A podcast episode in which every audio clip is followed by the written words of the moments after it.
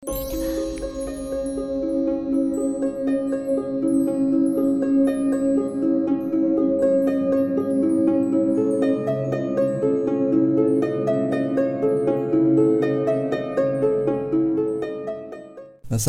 warahmatullahi wabarakatuh. Salam sejahtera untuk kita semua. Semoga kalian selalu berada dalam keadaan sehat dan banyak berkah. Seperti biasa teman-teman hari ini saya akan membacakan kisah horor Nah saya akan sedikit cerita kenapa saya bikin podcast ini Karena buat saya cerita horor itu adalah hiburan Ditakuti adalah hiburan Terlepas dari itu kisah nyata atau hanya karangan itu adalah hiburan dan semoga kalian semua juga bisa seperti saya menikmati semuanya ini sebagai satu hiburan. Cerita yang akan saya bacakan ini adalah tulisan dari Apika Jayatullah dari akun Facebook saya. Dan kisah kita untuk hari ini adalah Teror di Ruang Dekor. Malam sebelum acara puncak hari ulang tahun SMA kami, aku dan temanku mendapatkan pengalaman yang membuat jantung hampir copot karena kejadian itu adalah kejadian yang tidak pernah kami alami sebelumnya. Saat itu pukul 20.00 kami berlima tengah menyelesaikan tugas mendekorasi ruangan untuk perayaan acara puncak hari ulang tahun sekolah kami. Sebelumnya kami sudah menyelesaikan 50% tugas kami dan tinggal 50% lagi selesai. Huh, tinggal sedikit lagi nih, semangat. Kata Andi, ketua OSIS sekolah kami memberikan semangat. Siap bos, nih tinggal ditempel di atas hiasannya, sahut Hefni. Oke oke, tapi bagaimana caranya menempel hiasan ini? Tinggi bro, timpalku. Ambil meja di kelas 101, pintunya nggak dikunci tuh, pinta Andi, ketua OSIS kami. Siap bos, Hebzul, bantuin gua buat ambil meja. Oke, saut Hefni dan Zulkifli. Setelah itu kami menuju ke kelas 101. Tempatnya jauh dari ruangan yang ingin kami dekorasi dan listrik di lorong itu putus. Jadi terpaksa kami menggunakan lampu senter untuk menuju ke sana. Dan saat aku melangkah keluar ruangan, angin berhembus ke arahku dan mendatangkan aura yang tidak nyaman. Tiba-tiba bulu kuduku berdiri dan sangat terasa dinginnya malam hari itu. Aku dan dua orang temanku melangkah menuju kelas 101 yang konon katanya kelas tersebut tidak bisa terkunci walaupun sudah dikunci. Paman penjaga sekolah sudah sering mengunci dengan gembok tetapi ketika ingin membuka gemboknya di pagi hari, gembok itu sudah terbuka sendiri padahal cuma paman sekolah yang memiliki kunci gemboknya. Zai, gelap banget kamu gak takut? Kata orang-orang, kelas ini angker.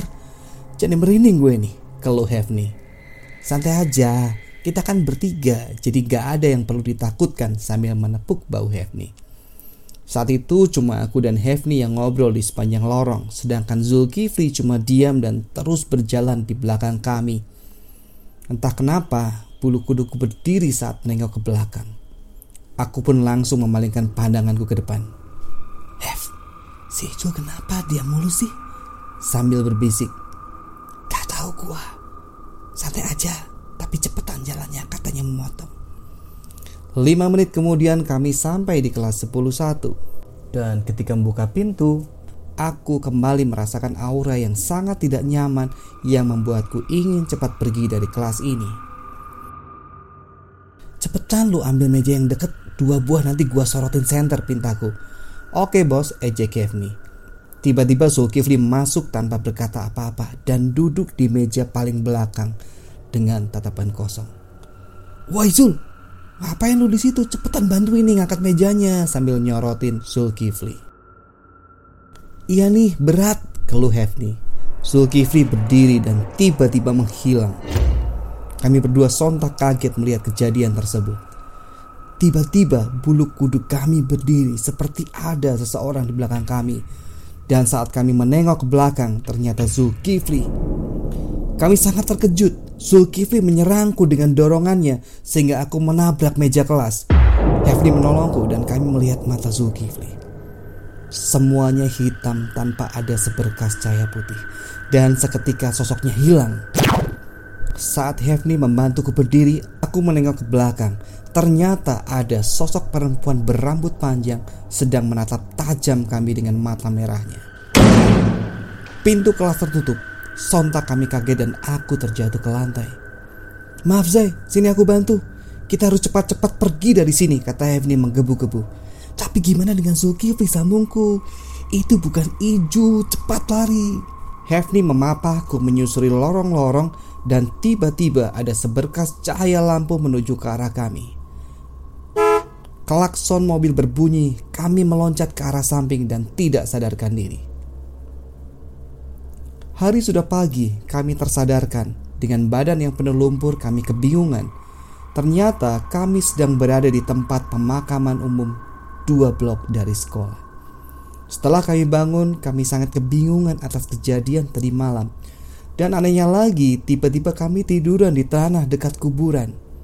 Kami merasa ngeri dan cepat-cepat ke sekolah untuk menceritakan kejadian yang kami alami tadi malam kepada ketua OSIS dan anggota yang lainnya. Waktu menunjukkan pukul 6.30.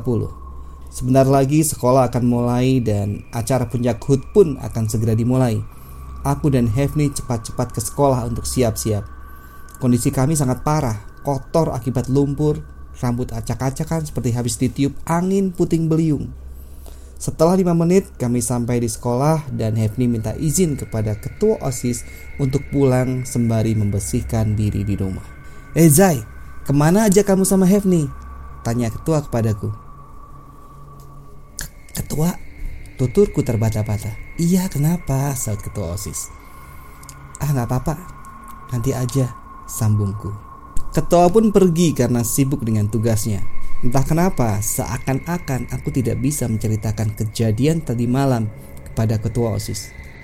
Ketika ingin menceritakan seakan-akan ada seseorang yang menutup mulutku. Kami semua melakukan tugas kami di sekolah sehingga aku lupa akan kejadian tadi malam.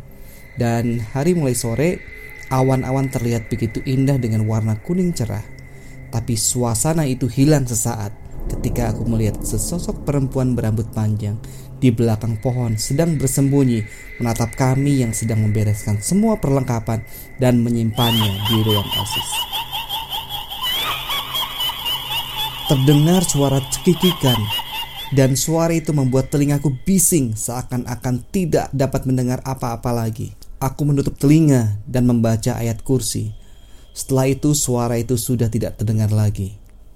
Malam tiba dan kami berkumpul di ruangan OSIS untuk evaluasi setelah selesai evaluasi, salah satu teman perempuanku mengejutkanku setengah mati. Zai, tadi siapa perempuan di belakang kamu yang nutupin mulut kamu saat ngomong sama ketua? Tuturnya bertanya. Dan setelah itu dia mengusap-usap kepala kamu sambungnya. Hah? Masa? Aku gak tahu, sumpah. Emang siapa sih? Kataku bingung.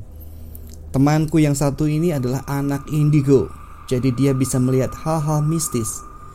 Ya aku juga nggak tahu, tapi kamu harus hati-hati ya. Aku ngerasain aura jahat di dalam tubuh orang itu. Tiba-tiba bulu kuduku berdiri dan aku teringat akan kejadian tadi malam ketika aku dan Hefni diserang makhluk gaib. Oh iya, aku baru ingat. Kalian mau denger gak cerita tadi malam saat ketua nyuruh aku ngambil meja di kelas 1? Cerita apa Zai? Tanya Haifa bingung. Iya cerita apa Zai? Tanya anggota lainnya. Tiba-tiba saja Zulkifli berkeringat. Kamu kenapa Zul? Tanya Rizal heran. Aku juga mau cerita. Sumpah serem banget sampai-sampai aku gak bisa cerita sama ketua tadi malam karena ketakutan, kata Zulkifli. Hah? Kenapa? Oh iya, aku baru ingat. Kamu bisa berubah jadi setan? Tanyaku ngotot. Semua anggota kaget dan mengarahkan pandangan kepadaku. Itu yang ingin aku ceritakan. Tadi malam ketika aku ngikutin kalian Dari belakang tiba-tiba saja aku melihat Sesosok perempuan berambut panjang ngikutin kalian dari belakang Dengan matanya yang merah yang sangat menyeramkan Wajahnya penuh darah Aku langsung lari kembali menuju ruang dekor Jelas Zulkifli dengan tegang Hah? Seriusan? Bulu kuduku berdiri dan suara cekikan perempuan mulai terdengar lagi Kali ini semua anggota mendengarnya mereka panik dan ketakutan.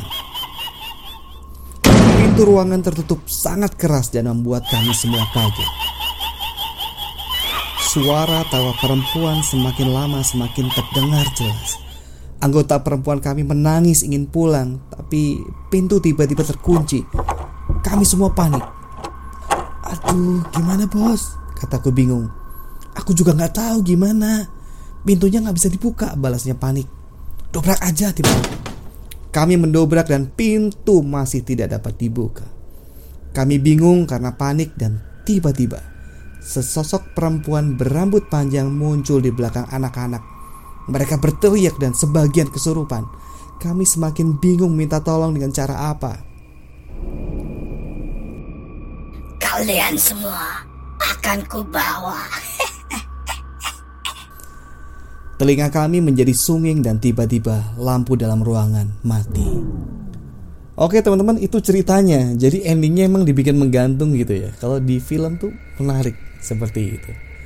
Oke teman-teman makasih karena udah memberikan atensi dan mendengarkan cerita ini sampai akhir Kita ketemu lagi di cerita berikutnya Sehat selalu Wassalamualaikum warahmatullahi wabarakatuh